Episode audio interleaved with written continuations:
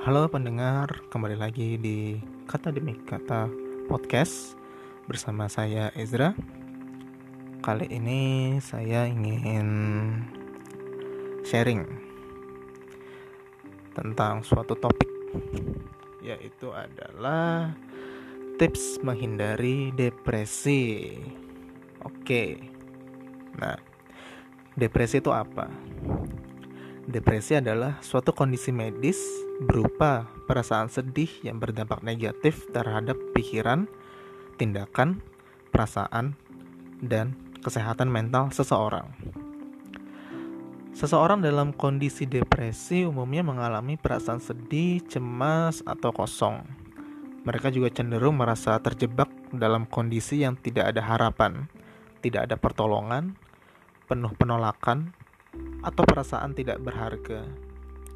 Gejala-gejala lain yang mungkin muncul adalah perasaan bersalah, mudah tersinggung, atau kemarahan. Memiliki gejala depresi bukan akhir dari segalanya. Aku sendiri memang secara resmi tidak pernah didiagnosa oleh psikolog jika aku memiliki depresi. Namun aku pernah merasakan gejalanya hingga aku berpikir untuk mengakhiri hidup.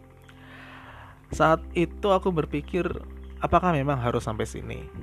Apakah tidak ada cara untuk melawan ini? Apakah aku harus kalah dengan keadaan ini? Atas dasar pengalaman tersebut, ada beberapa hal yang bisa aku bagikan kepada kamu bagaimana aku mencegah atau menghindari depresi. Pertama, berolahraga. Ya, aku sendiri pernah merasa malas sekali untuk berkegiatan nggak punya semangat bahkan untuk keluar kamar namun aku nggak bisa selamanya mengurung diriku dalam ketidakberdayaan. Suatu hari aku membaca artikel jika berolahraga dapat membantu menyeimbangkan hormon dalam otak. Aku coba untuk keluar kos untuk berolahraga dengan cara jalan kaki memutari area kos selama 30 menit aja. Aku coba konsisten melakukannya selama seminggu dan ternyata aku memang merasakan perubahan positif. Aku merasa lebih tenang dan sangat termotivasi untuk bangun pagi dan melakukan olahraga lagi. Kedua, berkumpul dengan orang yang mendukungmu. Ya ini sulit dilakukan untuk beberapa orang, tapi tidak mustahil. Manusia itu makhluk sosial. Mau seberapa lama pun dia tidak berinteraksi dengan orang lain, pada akhirnya akan mencoba untuk berinteraksi. Apalagi sekarang media sosial juga menjadi tempat berinteraksi orang walaupun tidak bertemu secara langsung namun bagiku itu sudah bisa menjadi cukup untuk memenuhi kebutuhan berinteraksi bagi beberapa orang.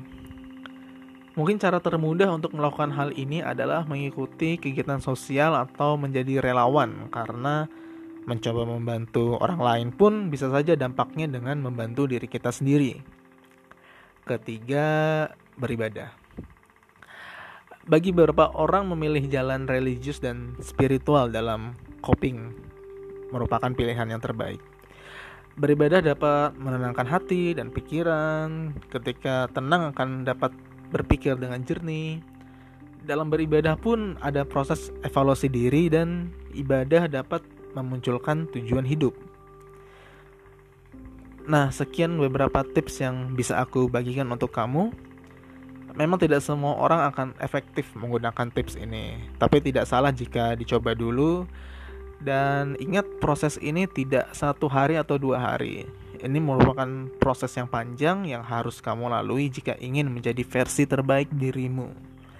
Bagiku, hal terpenting dalam mencegah atau menghindari depresi adalah memiliki tujuan hidup kamu boleh kehilangan itu karena memiliki keadaan-keadaan tertentu yang menjadikan kamu hilang tujuan, arah, dan keinginan untuk hidup. Tapi kamu tidak boleh menyerah untuk mendapatkan kembali tujuan, arah, dan keinginan untuk hidup yang pernah kamu miliki sebelumnya. Sekian, dan kita akan berjumpa kembali lagi di episode berikutnya.